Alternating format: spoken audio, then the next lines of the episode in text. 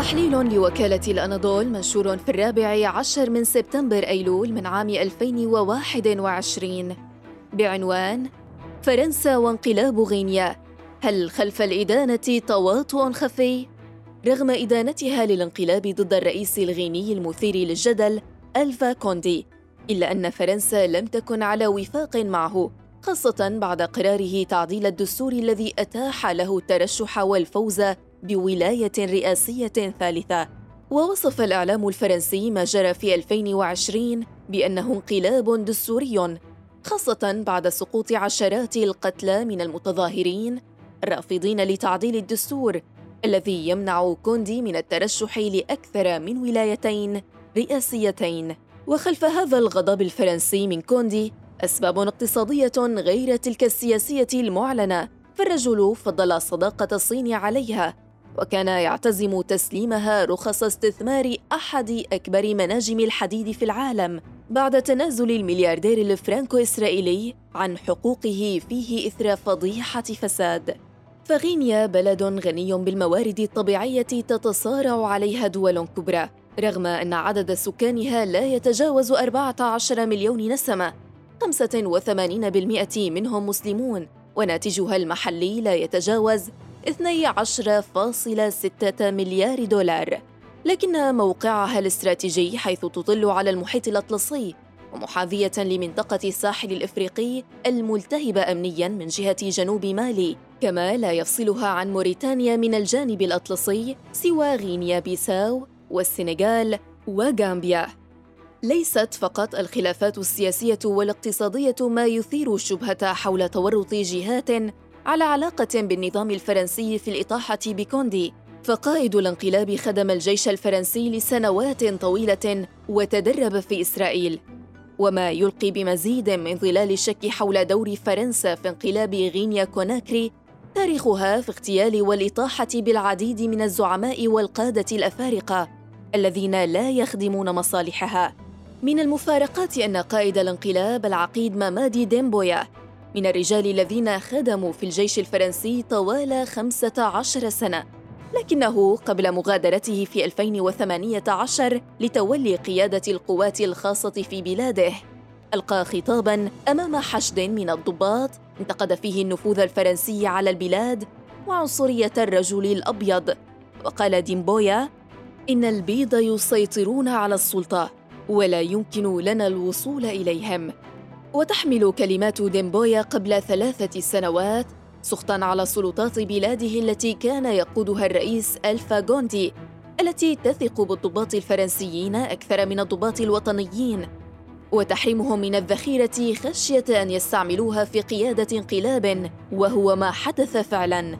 فديمبويا رغم استيائه الشديد من العنصرية التي يتعامل بها كوندي مع زملائه الفرنسيين مقارنة بهم إلا أنه كان ممتنا لهم لأنه تمكن عبرهم من الحصول على الذخيرة والوسائل التي مكنتهم فيما بعد من قيادة انقلاب عسكري ناجح وهزيمة الحرس الرئاسي الذي سبق له أن تصدى لمحاولة اغتيال الرئيس في 2011 وبحسب ما نقلت عنه صحيفة موندافريك الفرنسية يوضح العقيد ديمبويا أن الفرنسي الذي يأتي لتوفير التدريب لنا سيتلقى على الفور كل ما يحتاجه من حكومتنا. لذلك نحن سعداء بوصولهم الذي يسمح لنا بتدريب قواتنا. لكننا منزعجون لرؤية أننا لا نستطيع ممارسة مهنتنا في ظروف جيدة على عكس الأجانب الذين يفعلون ذلك من أجلنا. إلا أن ديمبويا حظي بعد ذلك بدعم من الرئيس كوندي واستدعاه من الجيش الفرنسي ليقود القوات الخاصة الغينية. هل كان لفرنسا دور في الانقلاب؟ ليس من المؤكد حتى الآن ما إذا كان للفرنسيين دور خفي في الانقلاب على كوندي، لكن المعروف أن الجنرال الفرنسي برونو كيلميان بولي كان يشرف على إعادة هيكلية الجيش الغيني بطلب من الرئيس المخلوع ذاته وكان كوندي يثق بالجنرال الفرنسي بوله أكثر من ثقته بقيادة جيشه خاصة من ذوي الرتب المتوسطة بحسب تلميحات العقيد ديمبويا. وعند وقوع الانقلاب في الخامس من سبتمبر كانت باريس من أولى العواصم المنددة به حيث أصدرت الخارجية الفرنسية بياناً جاء فيه أنها تدين محاولة الاستيلاء على السلطة بالقوة في غينيا وتدعو إلى الإفراج الفوري وغير المشروط عن الرئيس ألفا كوندي. فرسمياً تقف باريس ضد الانقلابيين. ولكن الجنرال الفرنسي بولي من وفر الإمكانيات اللازمة للقوات الخاصة التي يقودها ديمبويا التي بفضلها نجح الانقلاب سواء بقصد منه أو بدون قصد. كما أن باريس سبق لها وأن شككت في نزاهة الانتخابات الرئاسية التي فاز بها كوندي بولاية رئاسية ثالثة في 2020 وحتى الآن لم تفرض فرنسا أي عقوبات على الانقلابيين في كوناكري بالرغم من أن مستعمراتها السابقة تخضع لنفوذها خسرت الصين فهل ربحت فرنسا؟ لا تملك غينيا ثاني أكبر احتياطي من البوكست في العالم والذي يستخرج منه الألمنيوم بل لديها أحد أكبر مناجم الحديد عالمياً وتبلغ احتياطاته 2.4 مليار طن. هذه الإمكانيات المنجمية الهائلة في بلد لا تتجاوز مساحته 246 ألف كيلو متر مربع.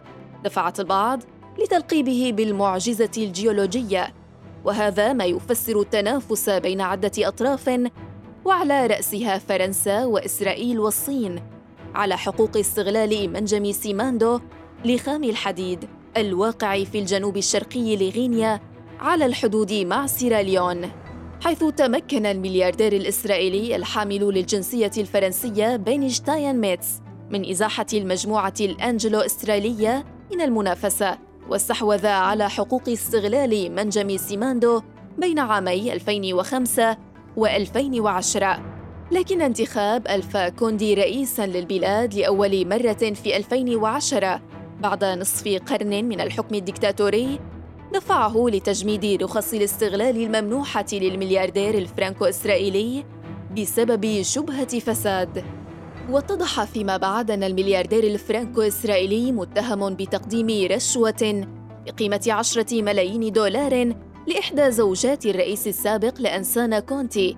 وفي 2019 اتفق نظام كوندي مع الملياردير بيني على التخلي عن المشروع مقابل إسقاط تهم الفساد عنه إلا أن الادعاء السويسري واصل متابعته قضائياً. وفي ظل هذا الفراغ استغلت مجموعة شركات صينية الفرصة واقتحمت السوق الغينية بثقلها. وحصلت على رخص لاستغلال بعض أجزاء منجم سيماندو الذي تقدر تكلفته الأولية بنحو تسعة مليارات يورو تتضمن أيضاً إنشاء سكة حديدية لنقل خام الحديد من المنجم إلى ميناء سيتم إنجازه أيضاً. كما عززت الصين نفوذها في غينيا بدعم من كوندي الذي فتح أبواب بلاده للاستثمارات الصينية ما أثار حفيظة فرنسا التي ما زالت تهيمن على البلاد سياسيا وعسكريا لكنها تخسر أمام بكين اقتصاديا. فمنجم سيماندو يمثل أهمية استراتيجية لعدة قوى عالمية ومعركة اقتصادية تقودها الولايات المتحدة وحلفاؤها الأوروبيون لمنع الصين من التمدد في إفريقيا ووفقا لما نقله موقع فرانس إنفو من دراسة الباحثة البريطانية لورين جونسون فإن استخراج احتياطيات سيماندو من خام الحديد من شأنه أن يحول السوق العالمية ويدفع غينيا إلى قوة تصدير خام الحديد إلى جانب أستراليا والبرازيل. فالصين تستورد مليار طن من الحديد الخام.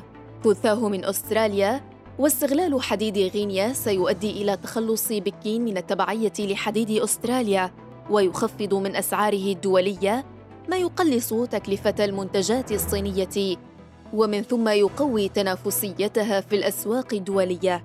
بينما تحاول فرنسا ومن ورائها الولايات المتحدة حرمان الصين من هذه الجائزة. لذلك فإن الانقلاب الذي أطاح بكوندي الصديق الوفي لبكين يصب في مصلحة باريس وواشنطن.